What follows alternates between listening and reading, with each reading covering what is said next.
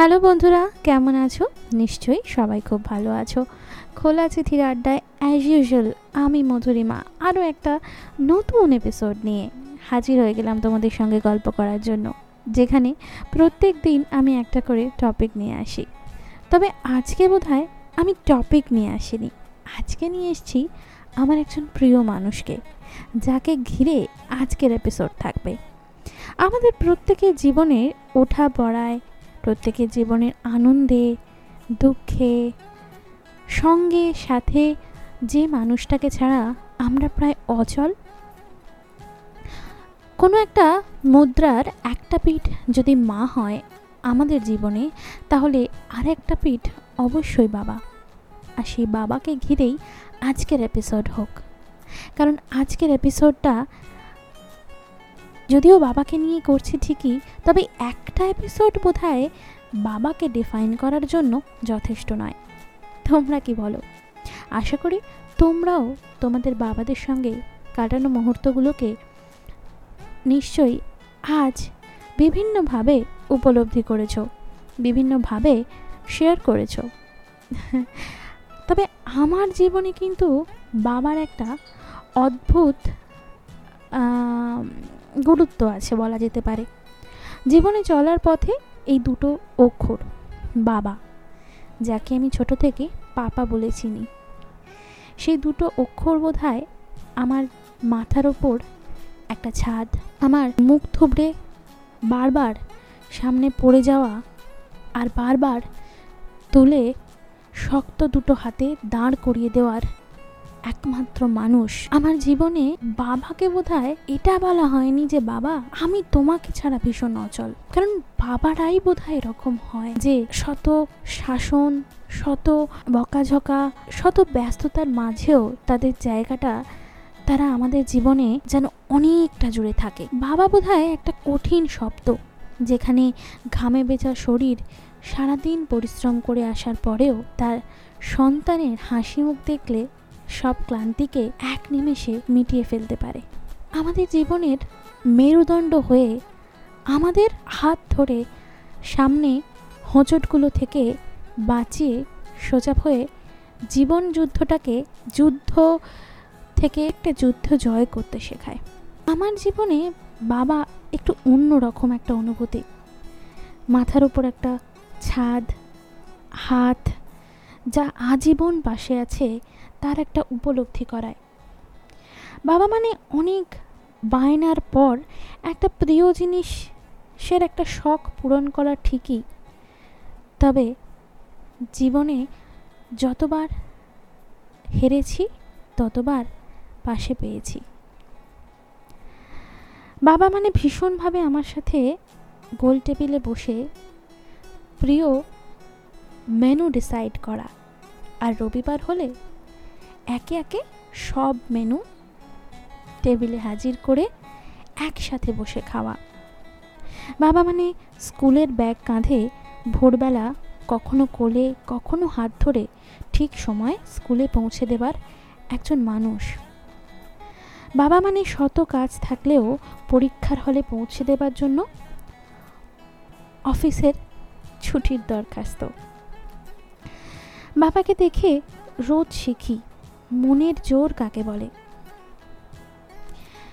ছোট্ট বয়স থেকে অনেক কষ্ট করেছে বলেই বোধ হয় মনের জোরটা এত কঠিন।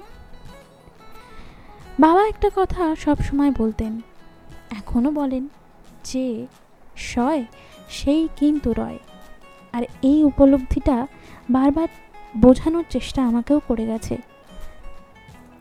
আগে হয়তো বুঝতাম না, এখন হয়তো কিঞ্চিত বুঝি। বাবা মানে ছুটির সময় নিয়ম করে অঙ্ক করতে বসাতো। না পারলে বিরক্ত হতো ঠিকই, কিন্তু তাও প্রকাশ একেবারেই ছিল না। আবার হয়তো বারংবার শিখিয়ে দেওয়ার একটা চেষ্টা সব সময় দেখতে পেতাম চোখে মুখে। কিন্তু কিন্তু অধৈর্য হতে তো কোনো দিন দেখিনি। বাবা মানে কষ্ট করে সবার কাছে কিছু না মুখ ফুটে বলে অন্যের মুখে একটা হাসি দেখে নিজে ভালো থাকা। ছোটবেলায় ভাবতাম, যা চাই তা কেন কিনে দেয় না বাবা সব সময়? খুব রাগ হতো, জানেন? কিন্তু জন্মদিনে বা পরীক্ষায় পাশ করলে সে আবদার ঠিক পূর্ণ হতো। আসলে তখন বুঝতাম না যে বাবা অনেকটা কষ্ট করে জমিয়ে আমার জন্মদিনে আমার পছন্দের জিনিসটা আমার হাতে তুলে দিয়েছে। কিন্তু একটা সময় এমনও হয়েছে যখন আমাকে চাইতে হয়নি। আমার জীবনের প্রথম ফোন নিজেই আমার হাতে এনে তুলে দিয়েছে। যখন বেড়াতে যেতাম সবাই মিলে মানে আমি, বাবা, মা তখন এক অন্য বাবাকে দেখতাম, যে বাবা বরাবরই গম্ভীর স্বল্পাভাষী একটু হয়তো বেশি কম কথা বলে। সেই বাবার সাথে অনেক আনন্দ, অনেক হইচই, পছন্দের খাবার, পছন্দের ডেস্টিনেশন, লাক্সারিয়াস হোটেলে থাকা, যা কিছু চাইতাম, সব পেতাম ওই কটা দিনে। বাবা বোধহয় সারা বছর অনেকটা কম সময় দিতে পারতো। আসলে এমার্জেন্সি ডিউটি করতেন আর তাই হয়তো মাকে বা আমাকে দুজনকেই কম সময় দিতে পারতেন। তাই সেই অভাবটা বোধহয় পূর্ণ করার একটা অকৃত্রিম প্রচেষ্টা চালিয়ে যেতেন।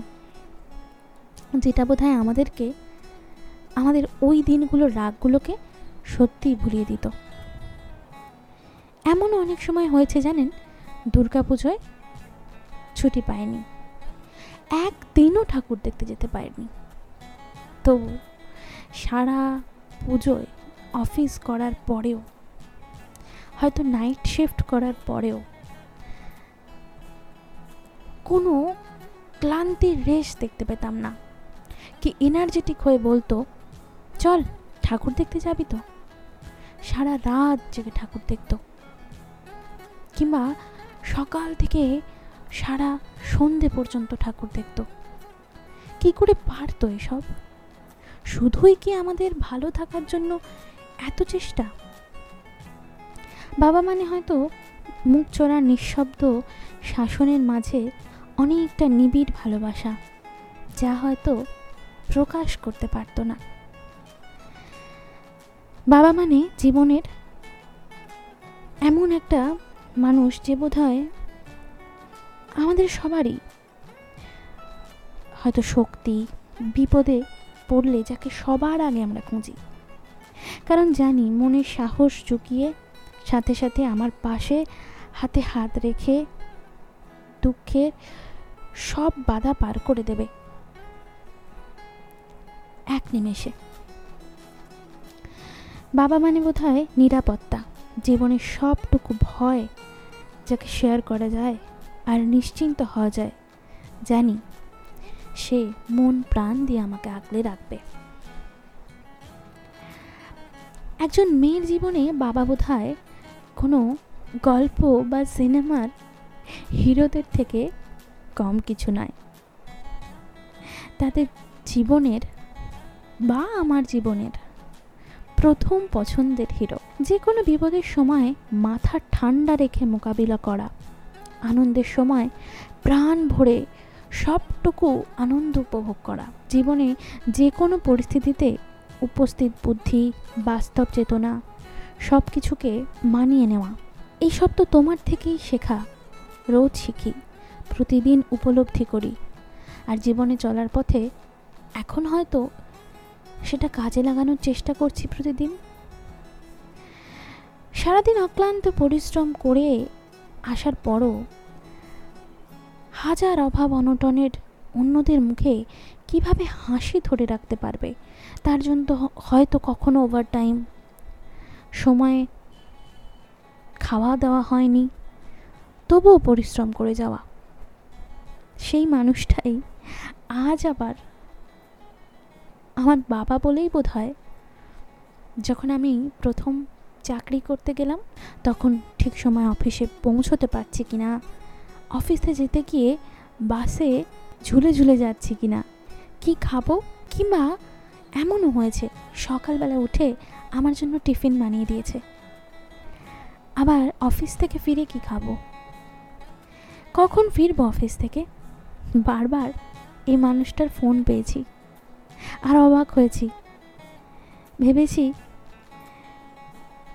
এভাবেও নিজের জীবনটা এত কঠিনভাবে পেরিয়েও এত রিল্যাক্সেশন দেওয়ার চেষ্টা এখনও করতে পারছে? আমার প্রতিটা সাফল্যের বোধহয় কিছুটা অংশীদার বাবা।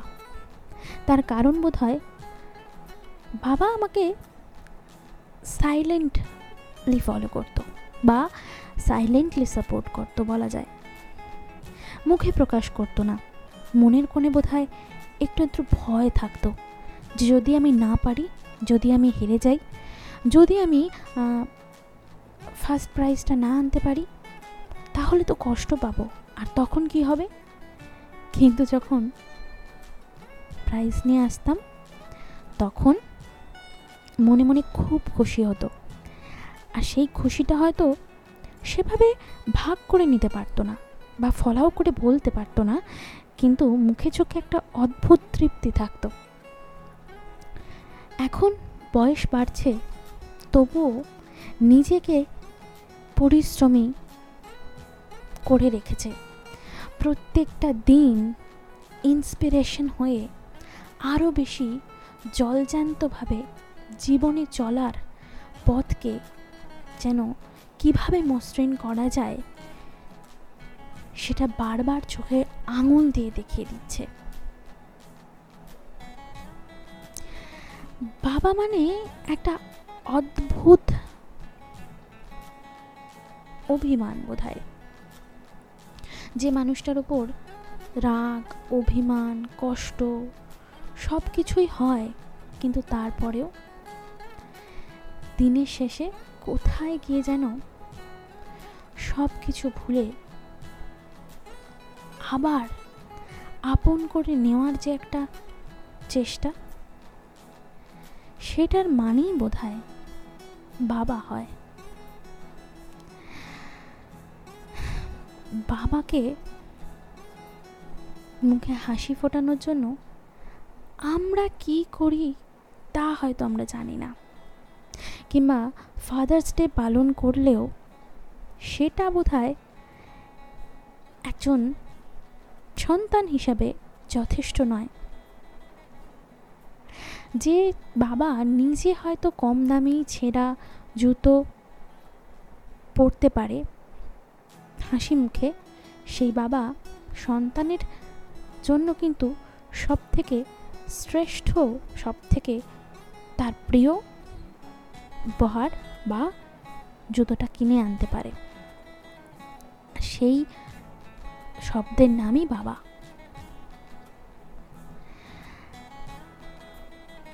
আর